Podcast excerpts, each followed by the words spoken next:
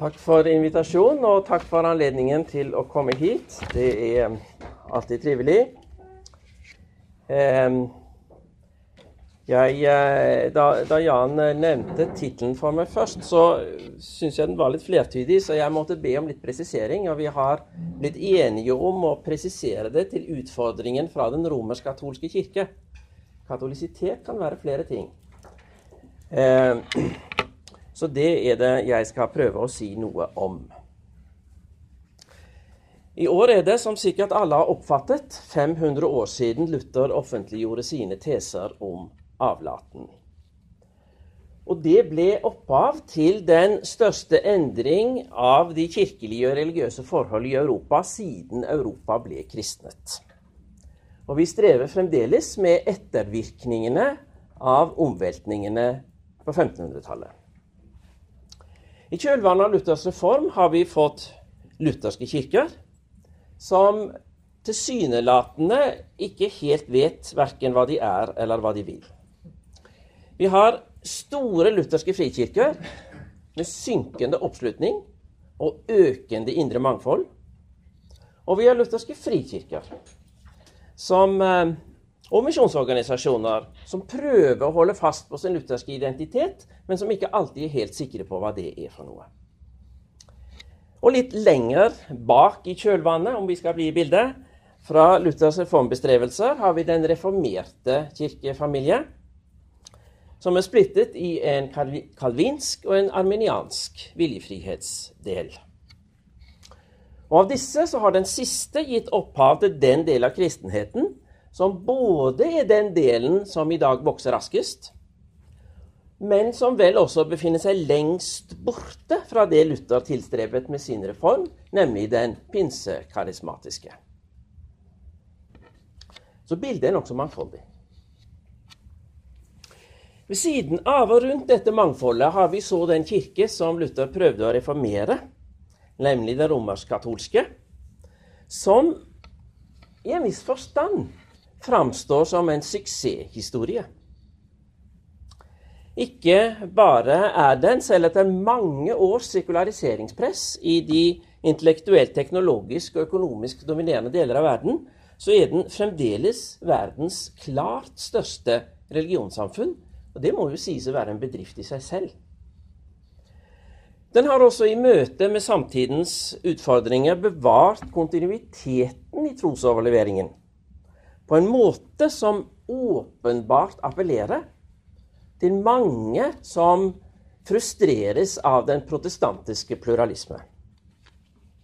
Nå er det jo utvilsomt også atskillig pluralisme innad i den romersk-katolske kirke.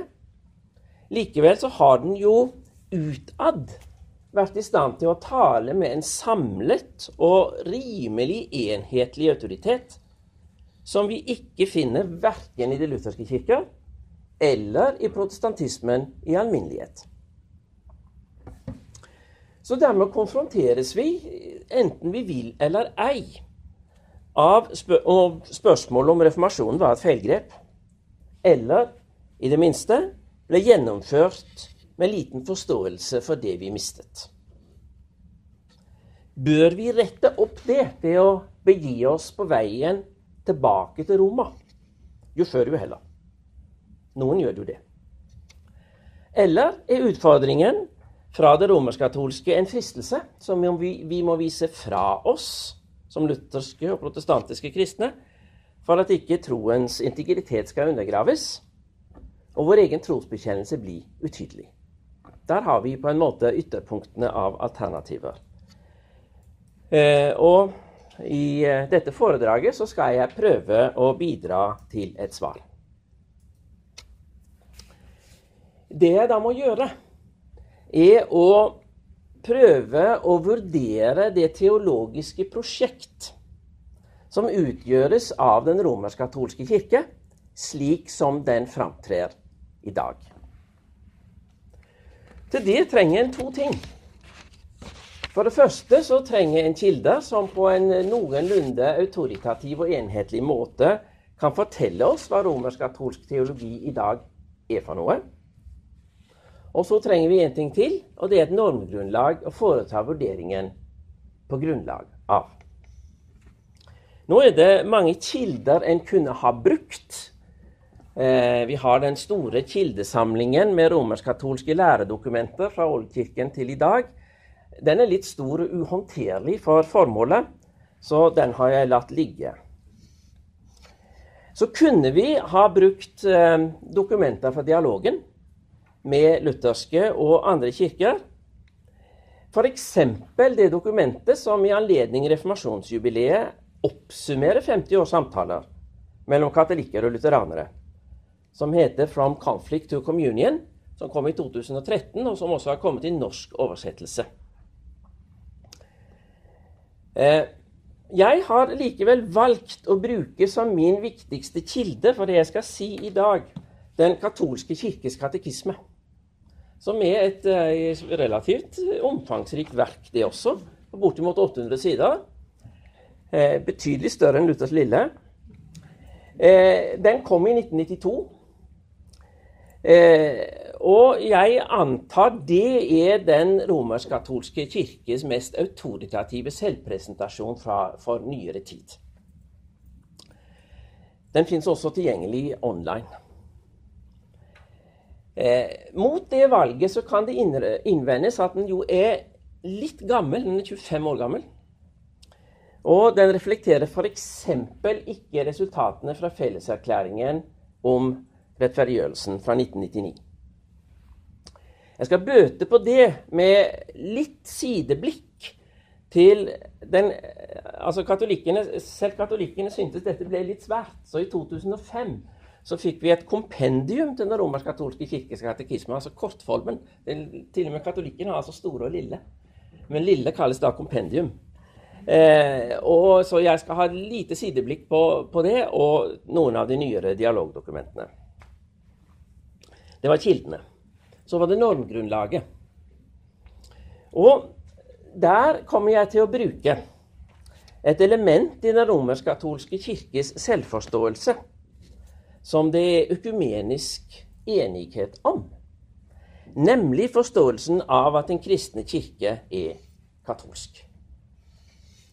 Det er noe som sies om den kristne kirke både i den apostoliske og den ikenske trosbekjennelse. I hvert fall om vi forholder oss til grunnspråkene. Der står det om Kirken i tredje trosartikkel at den er katolsk. Selv om vi prøver å gjemme det litt unna ved å si alminnelig i våre norske oversettelser.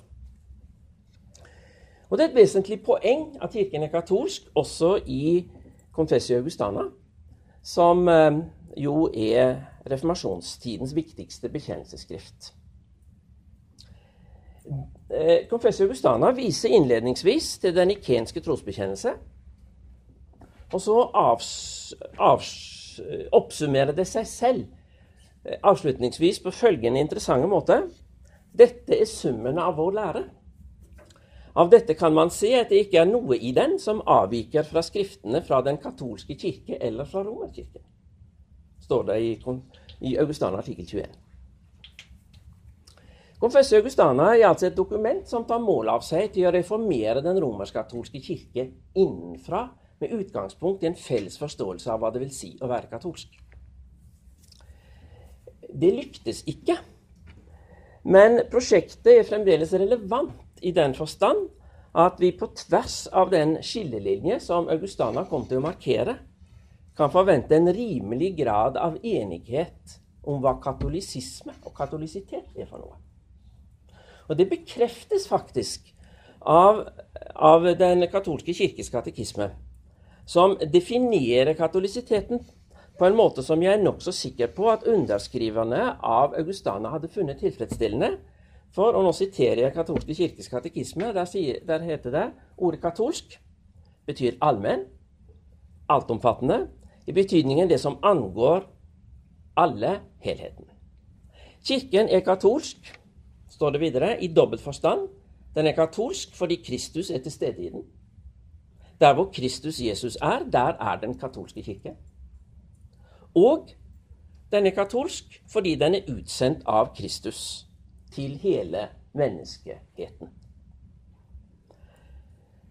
Den følger altså Confessio Augustana i å ikke definere katolisiteten på en selvrefererende måte katolske kirkes katekisme sier ikke at det at å være katolsk er å lære det samme som den romersk-katolske kirke til enhver tid sier er katolsk. Den etablerer en uavhengig norm, nemlig Kristusnærværet og Kristusforkynnelsen. Og det gjør at den romersk-katolske kirke, etter sin egen selvforståelse, kan og bør vurderes etter sin forståelse av kristologiens innhold og betydning. Og kriteriet blir ikke mindre interessant ved at det er nøyaktig det samme kriterium som legges til grunn for forståelsen av kirkens katolisitet i Confessio Augustana. Jeg er ganske sikre på at de som skrev under på Confessio Augustana, ville være enig i definisjonen av katolisitet, som jeg nettopp siterte fra den katolske kirkes katolisisme. Så vurderingsgrunnlaget er vi enige om på tvers av skillet mellom katolikker og protestanter, i hvert fall hva lutheranere angår. Og betydningen av det tror jeg faktisk er ganske viktig. Så problemstillingen som jeg skal prøve å si noe om nå, kan altså presiseres til følgende Ivaretar den romersk-katolske kirke, slik som den framstår i katekismen, sin ambisjon om å være katolsk? I samsvar med den ikenske trosbekjennelse og sin egen Kristus-sentrerte fortolkning av katolisiteten. Det er det jeg skal prøve å svare på.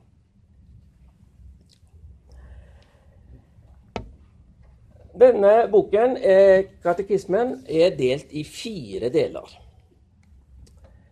Først trosbekjennelsen, som er en gjennomgang av den ikenske trosbekjennelse. Så en del som heter 'Feiringen av det kristne mysterium', der en går gjennom liturgien og sakramentene. Så del tre, som er kalt for 'Livet i Kristus', som dreier seg om menneskesyn, frelsesforståelse og etikk.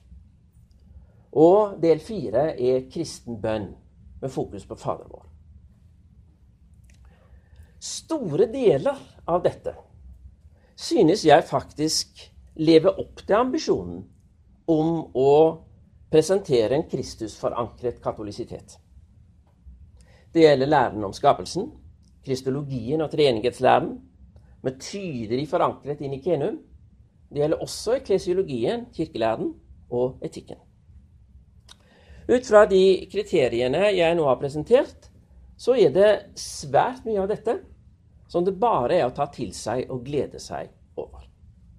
Her framstilles Jesus som Gud og menneske, som døde for våre synder på korset, sto opp fra de døde på tredje dag. Og Dette legges til grunn for forståelsen av liturgien, sakramentene livet i kirken og i verden. Og Det gjelder også det kortere kompendiet. Denne trygghet i det sentrale er faktisk et ganske viktig kjennetegn ved Den katolske kirkes katekisme. Og det er en påpekning, og for så vidt også en utfordring vi som lutheranere godt kan ta til oss. Her får vi den bibelske, oldkirkelige og økumeniske lære om Jesus, som, for å sitere fra Nikenum, for oss mennesker og for vår frelses skyld steg ned fra himmelen og ved Den hellige ånd ble kjød av jomfru Maria og ble menneske. Gjøres ikke noe forsøk på liksom å unnskylde eller gå rundt eller gjemme dette vekk dette er åpenbart for oss. Dette er det den kristne kirke tror på. Og det sies tydelig og med vekt. Altså mye å ta til seg i etikkdelen, synes jeg kanskje særlig i det som sies om lovens andre tavle, som er utformet som en aktualiserende utleggelse av budene fra det fjerde til det tiende budet. Og de er nummerert slik vi lutheranere pleier å gjøre det. Tenk om vi også i lutherske sammenhenger hadde hatt ledere som sa det så enkelt, så klart og så provoserende tydelig, det som her sies om livets ukrenkelighet. Da tror jeg faktisk vi hadde hatt det bedre. Dette er kanskje den viktigste utfordring fra den romersk-katolske kirke til oss som lutheranere og protestanter. Sentrum og kjerne i det kristne budskap er det det alltid har vært. Og den ikenske og den apostoliske trosbetjenelse sier det rett og slett godt. Det er ikke noen grunn til å finne opp hjulet på nytt. Kirkens oppdrag er å si det den alltid har sagt. Og selv om samfunnet endrer seg, og antallet av de som vil høre på det, kan gå litt opp og ned, sånn fra tid og variere med tid og sted, så er ikke det i seg selv noen grunn til drastiske omtolkninger. Vi har klart oss med det samme evangelium i et par tusen år allerede, og vi klarer sikkert et par tusen år til om Herren skulle drøye så lenge med å komme igjen. Og Det sier den romersk-katolske kirke både klart og sterkt, og det kan vi godt legge oss på sinn. Likevel så synes jeg det er vanskelig å slutte foredraget her. Og grunnen til det er ikke bare at det da ville bli litt vel kort. Da ville dere gå litt snytt hjem, tror jeg. Det er mer å si. Og mye av det vil bli mye mer kritisk til den romersk-katolske kirke enn det jeg har sagt til nå. For på viktige punkter så lever den romersk-katolske kirke etter min oppfatning ikke opp til sin egen forståelse av katolisiteten. Den holder seg nemlig ikke bare med læresetninger som springer enkelt og entydig ut av Kristusåpenbaringen og Kristusnærværet.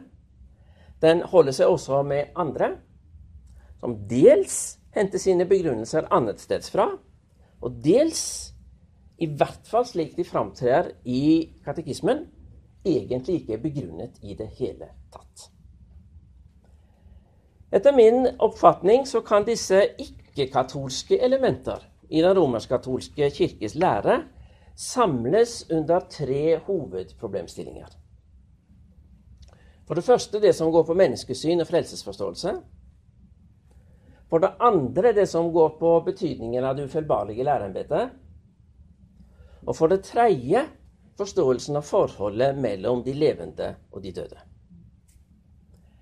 Resten av dette foredraget vil derfor i stor grad handle om det jeg finner som selvmotsigelser og ubegrunnede antagelser i den romersk-katolske kirkes lære på disse punktene. Det skal ikke ta bort det jeg har sagt om den kirken som en positiv økumenisk utfordring. Og det skal definitivt ikke forstås som uttrykk for noen som helst form for luthersk overlegenhet. For som lutheranere har vi i lys av vår egen historie egentlig veldig lite å rose oss av.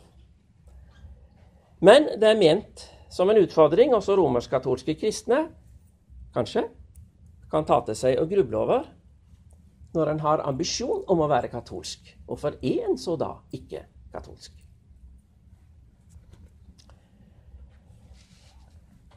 Først altså det som går på menneskesyn og frelsesforståelse.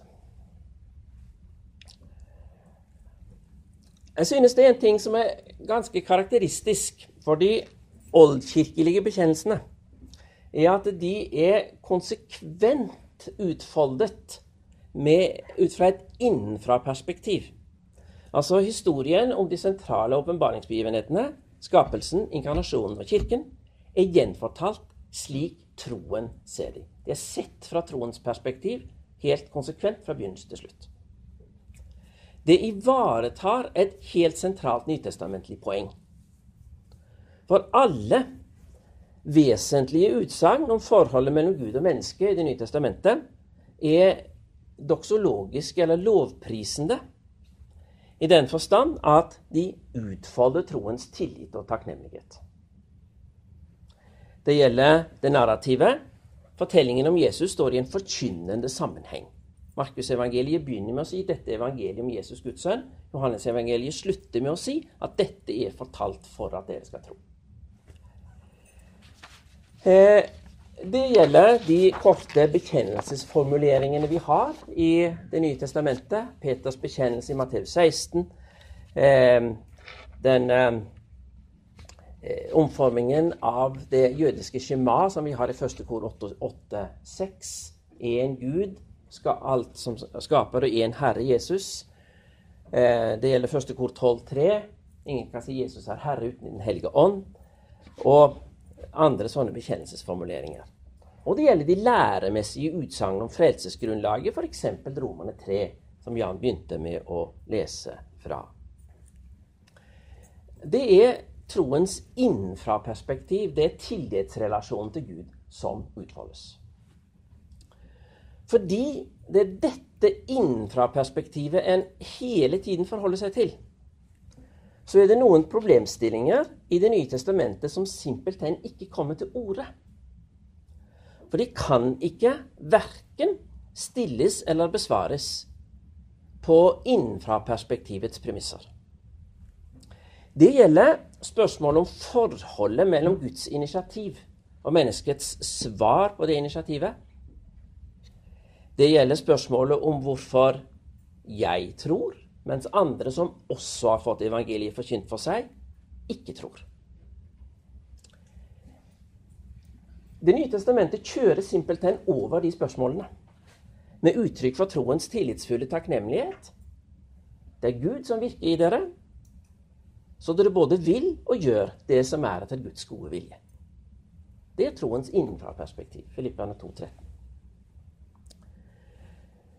Kirkefedrene ivaretok det perspektivet ved å utfolde en teosentrisk, en gudsentrert menneskesyn, antropologi.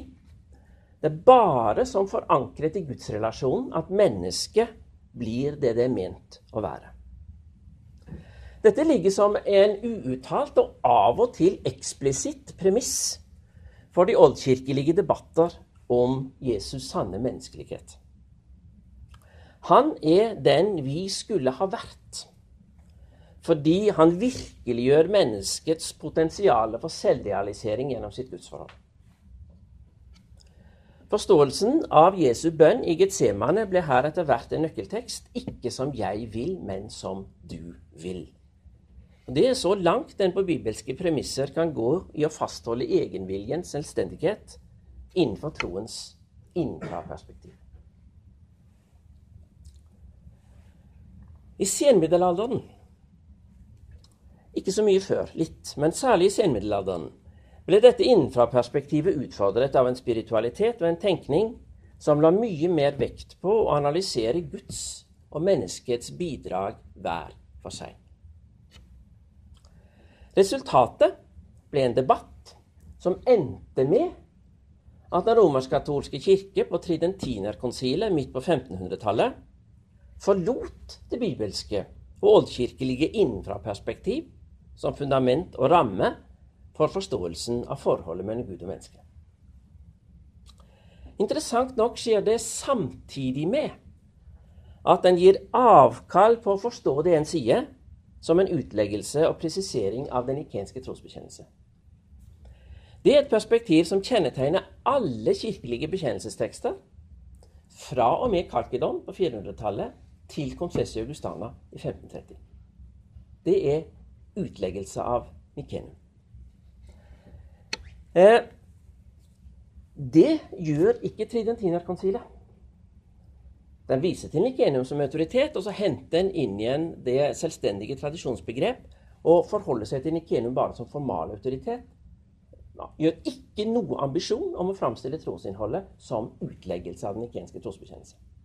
Det er en ganske markert skille der. Avvisningen av innenfra-perspektivet er veldig skarpt formulert i Tridentinerkonsilet, for der er det faktisk fordømt anatema sitt. Det er ikke så skarpt formulert i uh, katekismen eller i felleserklæringen, eh, men det er fremdeles til stede. En nøyer seg ikke, som Det nye testamentet, apostolikum, nikenum og augustana, med å utfolde troens tillitsforhold i, tre, I, stedet så trer en ut av det og betrakter det fra siden. Eh, og prøver å fordele ansvar og oppgaver mellom Gud og menneske. Guds ansvar blir da å legge grunnlaget. Så er det menneskets ansvar å gjøre det beste ut av de mulighetene det har fått. Sitat. I troen samarbeider menneskets forstand og vilje med den guddommelige nåde. Og tro vil si at forstanden gir sin tilslutning til den guddommelige sannhet på viljens befaling, tilskyndet av Gud ved nådens hjelp. Ganske klar ansvarsfordeling. Gud gjør så og så. Mennesket og dets vilje gjør så og så.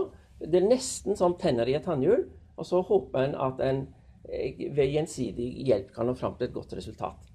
Litt karikerende framstilt frelse som forhandlingsløsning.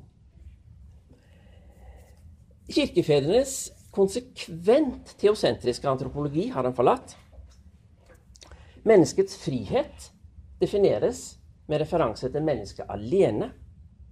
Og forstås som det selvstendige menneskets evne og vilje til å slippe Gud inn i sitt liv.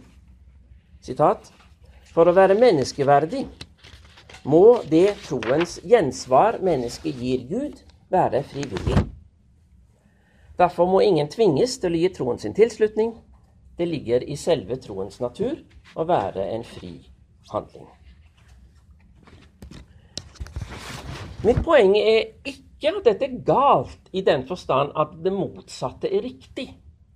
Troen er ikke primært å forstå som påtvunget. Selvfølgelig er den ikke det. Poenget er at en ved å forlate innenfra-perspektivet, så stiller en spørsmålet om forholdet mellom Gud og menneske ut fra forutsetninger som gjør at svaret på bibelske og oldkirkelige premisser aldri kan bli riktig. Sett fra troens innenfra-perspektiv så gir det ikke mening å stille det spørsmålet som skaper en forsikring om, og nå siterer jeg igjen, det er ingen motsetning mellom menneskets frihet og det å ha tiltro til Gud. Det er formulert som svar på et spørsmål som egentlig ikke kan stilles. Eh, jeg syns ikke dette fungerer som en god formulering i det hele tatt, men det er åpenbart alvorlig ment. Det kan se ut som forfatterne av Den katolske kirkes katekisme litt sånn innimellom har en forståelse av at denne framstillingen av Gud og menneske som selvstendige, likeverdige forhandlingspartnere er feil. Men de makter aldri å følge det opp i praksis. De vet at troen er en gave. Men så torpederer de umiddelbart den teologiske relevans av denne observasjonen ved å tre ut av mottakerrollen og definere gaven som en overnaturlig evne som Gud gir i menneskets indre. Og En kan jo da lure på hvilket ståsted en gjør seg, fra hvilket ståsted en gjør seg sine observasjoner om denne evnen. Og Jeg syns også det er en pussig formulering å si at den er overnaturlig. Og hva sier det egentlig om forståelsen av naturen? Er naturen et nøytralt felt hvorfra en kan observere det Gud gjør og ikke gjør, og så rette seg etter eller avvise Guds vilje, alt ettersom en finner det for godt. Eh, katekismen forsikrer sine lesere om at ingen har gitt seg selv troen. Like lite som man har gitt seg selv livet. Det er en interessant formulering. Det er en påpekning av parallellen mellom skapelsen og frelsens sammenheng. For den peker tydelig i retning av et innenfraperspektiv. Like lite som vi har skapt oss selv, har vi skapt vår egen tro. Det har vi ganske sterke uttrykk for i Det nye testamentet. Vi har født på ny-bildet eh, i Johannes 3. Vi har eksplisitt parallellen mellom skapelse og, eh, og, eh, og, troens tilblivelse i det som sies om Abraham i Romerne 4,17. Men katekismen det, det, det blir liksom som en, som en, skihopper som tar sats og plutselig blir redd for å komme for langt ned bakken, som trekker seg midt i spelet. Etter denne påpekningen om parallellen mellom skapelse og frelse. Og så avbøyer en det hele til en tam påpekning av at den som har fått troen til andre, også må gi den videre. Og det er et banalt poeng ut fra den grunnleggende innsikt som her er tematisert. Eh, jeg syns dette er ganske gjennomgående i, i katekismen. Eh, når det gjelder gudserkjennelsen, så legges det påfallende stor vekt på den teologiske betydning av fornuftens evne til å nå fram til en generell teisme. Det sies riktignok at dette er vanskelig, uten at det sies noe mer om hva denne vanskeligheten består i. Eh, Sjelen er som et resultat av misbruk på, av den gudgitte frihet. I den norske oversettelsen så står det om at den er trellbundet. Det står annerledes formulert på andre språk. Eh, og dette har gitt djevelen et visst herredømme over mennesket, selv om det forblir fritt, står det. Denne friheten til delvis å unndra seg djevelens herredømme har han allerede forut for, uavhengig av dåp og tro. Og så kommer dåpen og sletter ut den opprinnelige synd og vender mennesket, seg, eh, vender mennesket til Gud, selv om tilbøyeligheten til å gjøre det onde blir værende. Det er jo karakteristisk for den romersk-katolske kirkes dåpsteologi. Hva det på reformasjonstiden har vært hele tiden. Siden i døpte, døpte eh, mennesker eh, har bare gjerningssynder. Og Så langt kan en komme på fromhetens vei at en kan legge det mest elementære bak seg og ta fast på neste trinn, som er å realisere de såkalte evangeliske råd. Som er liksom kristendom for de fromme. I dem som er gjenfødt, så er det ingenting igjen som skulle forhindre dem å komme inn i Guds rike. Det står faktisk det. Så frelsen knyttes til objektive kvaliteter i den troende. For min del så må jeg bare beklage at her henger ikke jeg på lenger. Eh, dette er religiøsitet for åndelige atleter som befinner seg i en dimensjon der jeg aldri har hatt adgang. Jeg tror aldri jeg vil få det heller. Eh, denne følelsen av tilkortkommenhet overfor den åndelige perfeksjonisme som tilstrebes her, den blir under lesningen tidvis ganske sterk.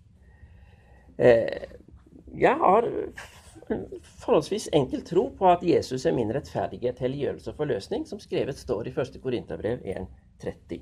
Og jeg har for så vidt ikke verken ambisjoner og jeg tror ikke jeg har ressurser heller til på en måte å stige ut av det forholdet og beskue det fra utsiden. Eh, når den her bys opp til drøftelser om nåden som forutgående, ledsagende og inngitt, og som på visse punkter kan tre til med hjelp for den som finner det vanskelig å erkjenne Gud på egen hånd med fornuftens lys, da melder jeg pass.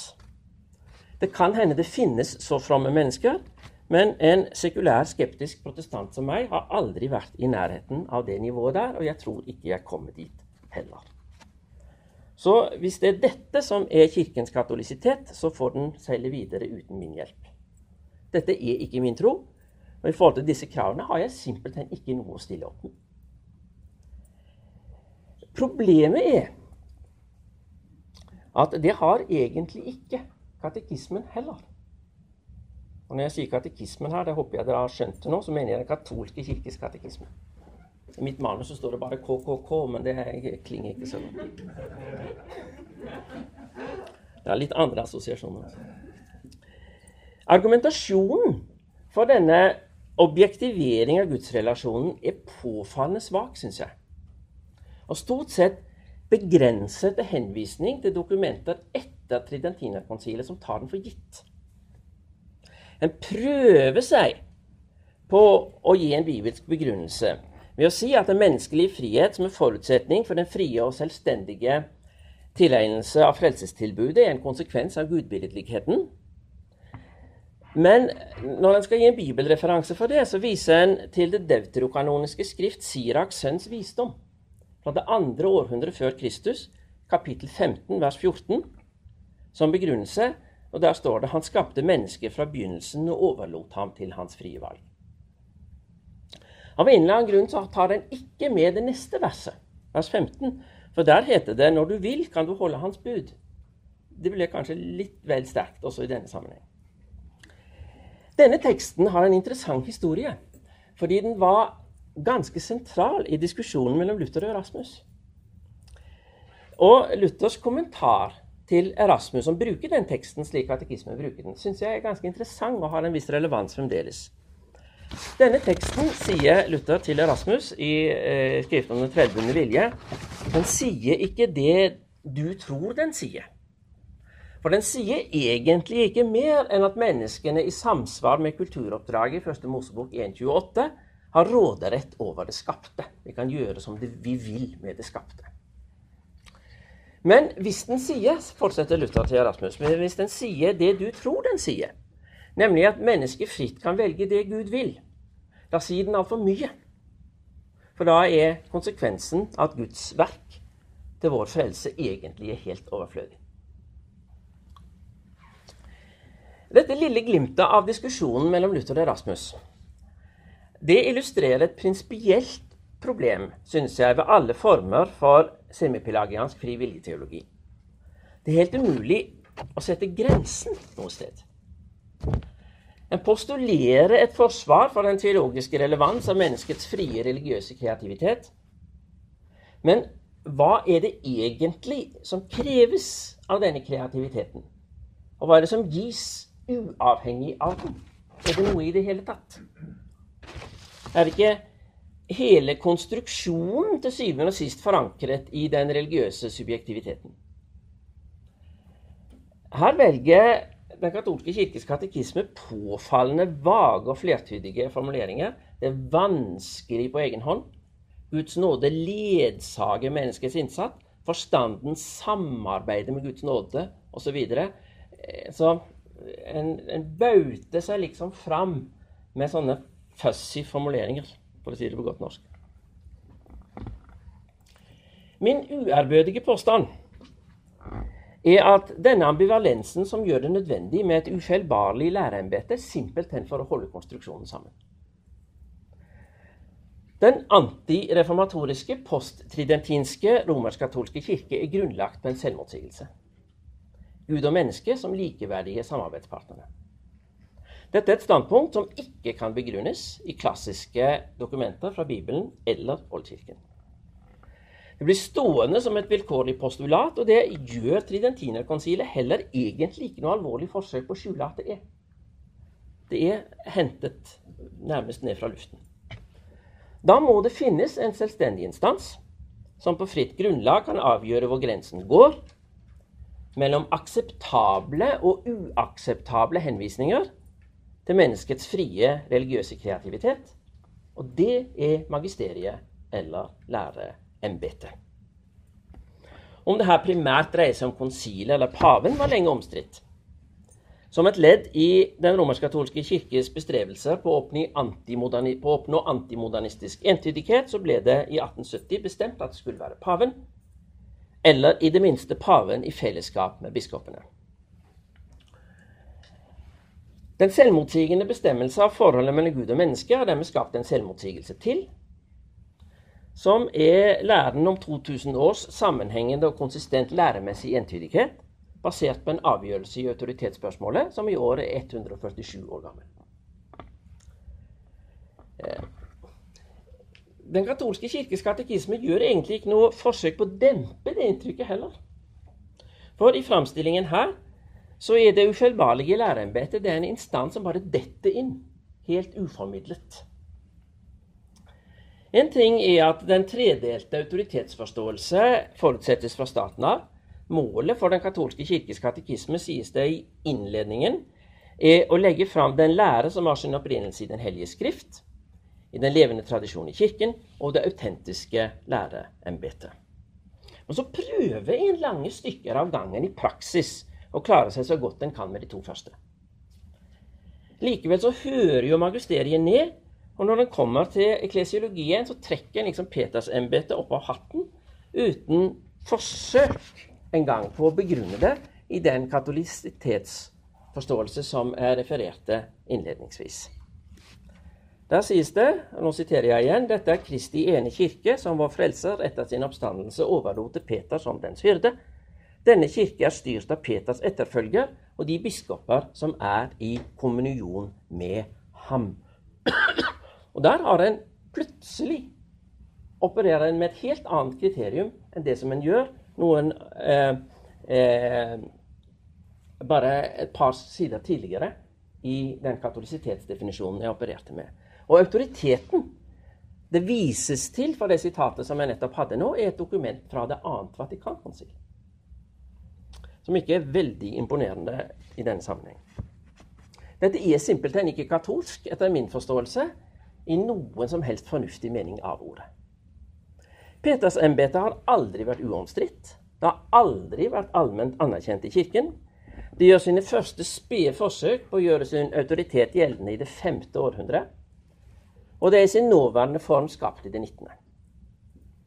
Lenger bort fra Vincent av Lerinums klassiske 400-tallsdefinisjon av katolisiteten som det som er trodd av alle overalt, er det knapt mulig å komme. Dessuten svekker det muligheten for å overprøve Kirkens lederskap på grunnlag av et felles normgrunnlag som er utenfor de styrendes kontroll. Slik bidrar lærerembetet til å sette opp uoverstigelige skranker mellom Kirkens selvbekreftende lederskap og den nødvendige kritikk nedenfra.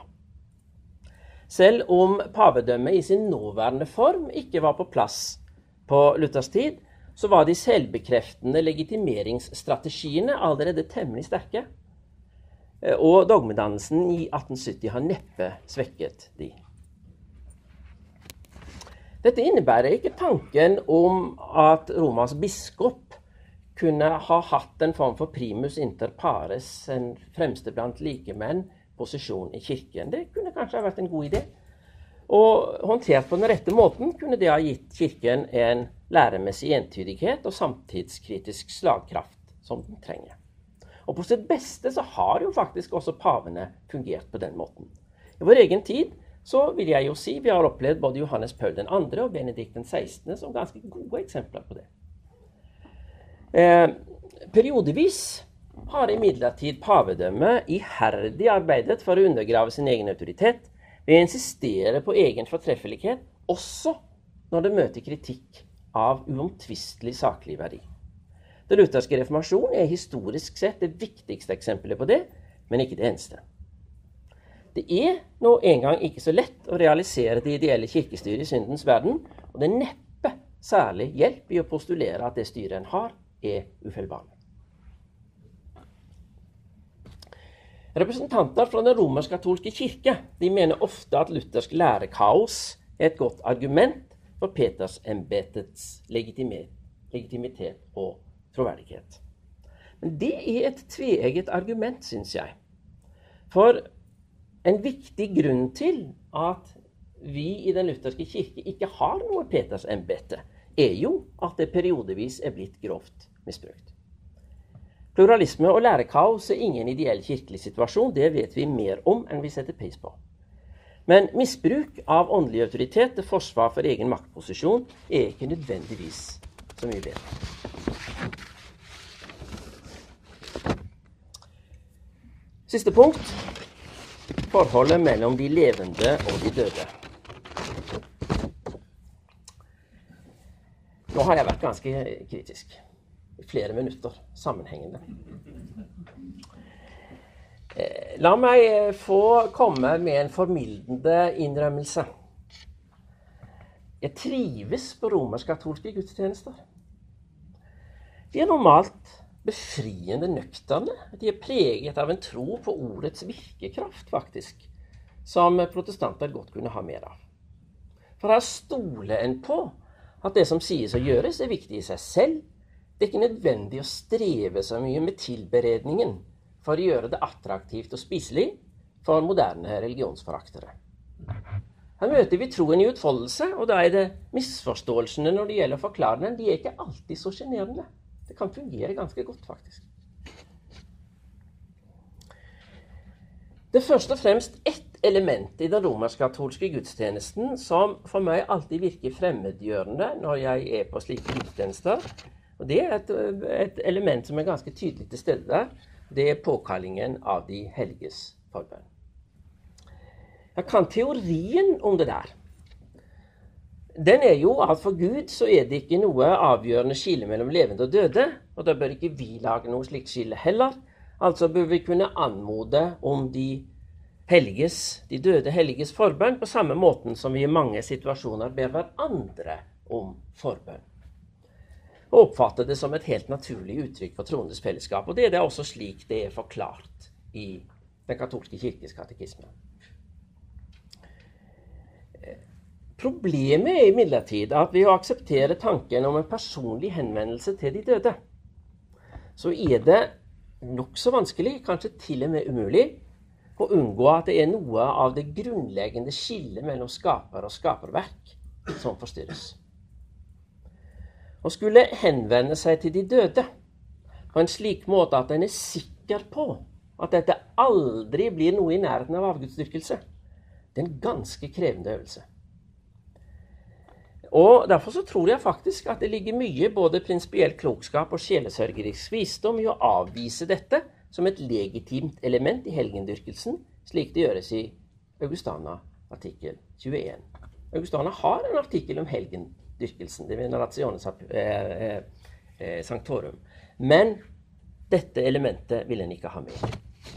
Jeg sier ikke det bare fordi jeg er en sneversynt lutheraner, selv om jeg sier det, det også. Jeg har mye av min pastorale erfaring fra en kontekst, nemlig den japanske. Og forholdet til fedredyrkelsen er en veldig nærliggende og praktisk teologisk utfordring.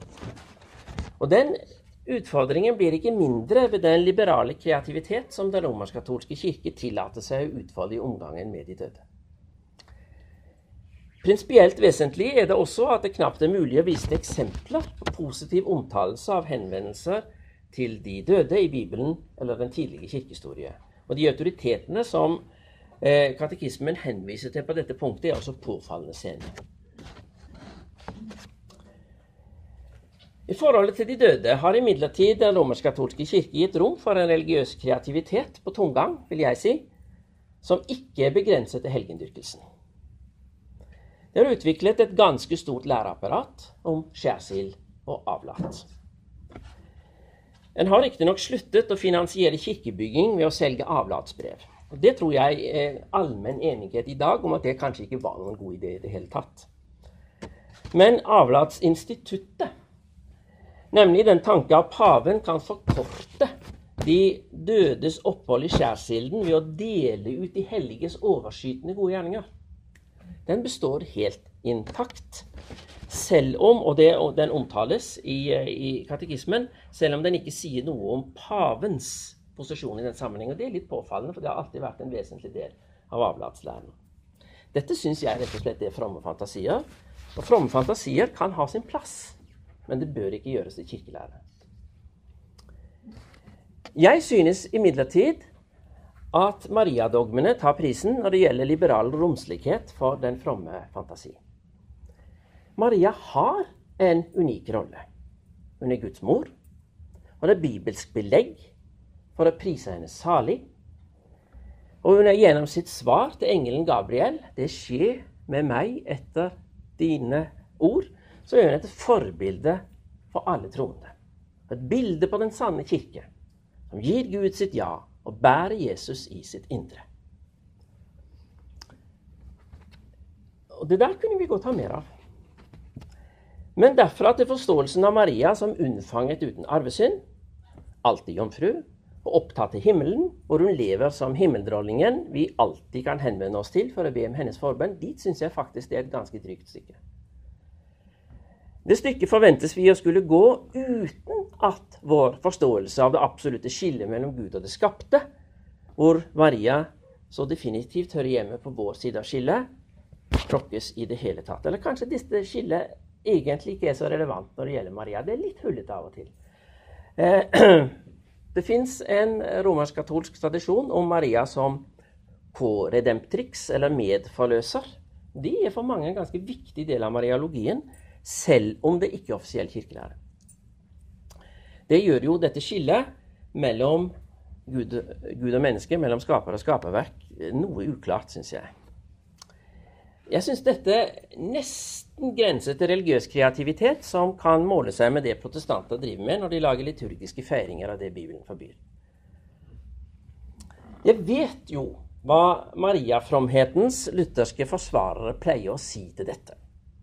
Luther trodde jo på Semper Virgo. Og han hadde en viss sans for tanken om den ubesmittede unnfangelse. Det kan godt hende vi har en antydning av det samme i omtalen av Maria som den velsignede jomfru Maria i Augustana artikkel 3. Eh, Luther var, følte seg nok eh, Luther følte seg provos, personlig provosert når noe gikk Marias ære for nær. Noe av, der har han følt med en slags ridderlighet, tror jeg. Liksom, han må, må, ri Maria til forsvar. Eh, han, det er blant annet eh, noe av grunnen til hans heftige antijødiske polemikk, fordi han syntes eh, eh, jødene i sin respektløse omtale av jomfrufødselen gikk Marias ære for nær. Eh, det er én ting. Noe annet er hva vi har prinsipielt teologisk grunnlag for å si. Marias oppgave var unik, men hun er likevel en av oss. Og det er først og fremst slik hun kan være helgen, en helgen og et forbilde. Her tror jeg det er ganske mye i den av og til nokså viltvoksende romersk-katolske Maria-fromhet som ikke er til hjelp. Jeg tror altså at den protestantiske skeptiske nøkternhet i forhold til de døde er dogmatisk velbegrunnet og sjelesørgerisk sunn. Nå skal vi ikke ta dette altfor stramt og firkantet, tror jeg. Henvendelser til døde for å be om deres forbønn syns jeg ikke vi skal innføre i våre gudstjenester. Det kan godt hende de ber for oss, men det gjør de da antagelig uten at vi minner de på det. Derimot så ser jeg ikke noen grunn til å være veldig dogmatisk og prinsipiell når det gjelder forbønn for de døde. Vi har som Guds barn anledning til å legge fram for vår himmelske Far det som ligger oss på hjertet. Og er det vår, våre nærmestes plass i dødsriket vi går og grubler på, så sier vi det til Gud når vi ber. Den romersk-katolske rekviemessen syns jeg slik faktisk har noe for seg. Rekviem eternam dona eis domine. Gi dem den evige fred, Herre. Ikke fordi Gud er avhengig av vår forbønn for å frelse dem, men fordi det er godt for oss å legge våre døde i Guds omsorg Uansett så er det der de ligger best. Da har jeg kommet til avsluttende oppsummering. Har så langt stort sett holdt meg til dette dokumentet, Den katolske kirkes katekisme. Hvordan ser disse problemstillingene så ut om vi også trekker inn nyere dokumenter, altså felleserklæringen om rettferdiggjørelsen, kompendiet til katekismen from conflict to communion, og om vi trekker inn de. Når det gjelder dette problemet som jeg begynte med, objektiveringen av trosrelasjonen, tendensen til å ville gå ut av trosforholdet og liksom se på det fra siden og fordele oppgaver, så tror jeg faktisk det er rett å si det har funnet sted en viss tilnærming. Eh, I disse dokumentene som jeg refererer til nå, så er troens innenfraperspektiv og troens tillitsrelasjon tydeligere framhevet enn her. Og mange av de provoserende formuleringene som jeg har sitert herfra, de er utelatt. Det betyr ikke at de katolikkene plutselig er blitt eh, lutheranere. Skillet mellom dåpen, som sletter ut arvesynden, og boten, som tar seg av gjerningssyndene etter dåpen, de, eh, de består. Omtalt også både i kompendiet, i felleserklæringen og i From Conflict to Communion. Trangen til å finne et nøytralt sted eh, hvor en kan forklare det hele fra, er ikke borte, men jeg tror det er rett å si at den er noe dempet.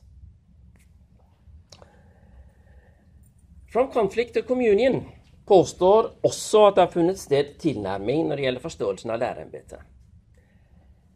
Det tror jeg også er riktig i den forstand at vi er kommet nærmere hverandre når det gjelder forståelsen av forholdet mellom Skriften og tradisjonen. Også katolikker vil i dag forstå tradisjonen primært som bibelutleggelse.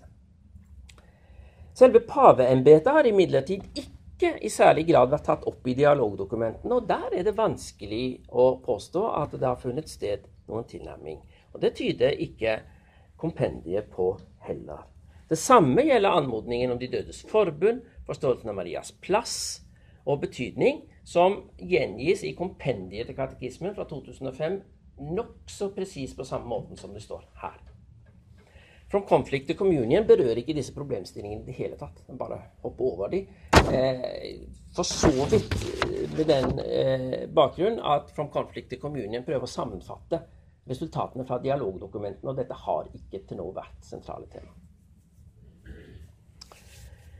Om jeg på denne bakgrunnen skulle prøve å bevege meg i retning av en konklusjon på det spørsmålet som jeg, siter, som jeg definerte innledningsvis, altså spørsmålet til den romersk-katolske kirkes katolisitet, så må den bli omtrent som dette. Det er en betydelig motsetning mellom den romersk-katolske kirkes ambisjon om å være katolsk, og slik den i dag framstår i sine sentrale læredokumenter. Det skyldes at den har gitt rom for en forståelse av forholdet mellom Gud og menneske som verken formelt eller reelt er katolsk i bekjennelsens mening av ordet. En må derfor gripe til det ufeilbarlige lærerembetet som en hjelpekonstruksjon for å bevare den læremessige enhet. Samtidig har en gitt den religiøse fantasi nokså frie tøyler når det gjelder forståelsen av forholdet mellom levende og døde. Når det, når det gjelder frelsesforståelsen, så har det funnet sted en tilnærming mellom romersk-katolske og lutheranere som kan tyde på en viss forståelse for de motforestillingene jeg her har pekt på. Det er imidlertid så langt ikke noe som tyder på at en har begynt å revurdere lærerembetet eller helgenforståelsen i lys av denne nyorienteringen. Når situasjonen er slik som den er, har vi da som lutheranere noe å lære av den romersk-katolske kirke? Ja, det mener jeg vi har. På sitt beste så har den en forståelse av åpenbaringens betydning og av de lange linjer i utleggelsen og utfoldelsen av den, som er forbilledlig. Har så den romersk-katolske kirke noe å lære av oss? Ja, det tror jeg den har. Noen grunn til å ta etter vår moderne tilbøyelighet til individualisme og lærepluralisme har den ikke. Men om den lot seg utfordre til ikke bare å foreta enkelte justeringer i måten den formulerer rettferdiggjørelseslæren, men også tenke gjennom hva dette kunne bety for autoritetsforståelsen og spiritualiteten i forhold til de døde, så ville vi faktisk kunne komme noen viktige skritt videre i arbeidet for sammen å uttrykke hva det vil si at Kirken er katolsk. Slik situasjonen er i dag, så tror jeg imidlertid ikke vi kommer katolisiteten nærmere ved å begi oss på veien til Roma.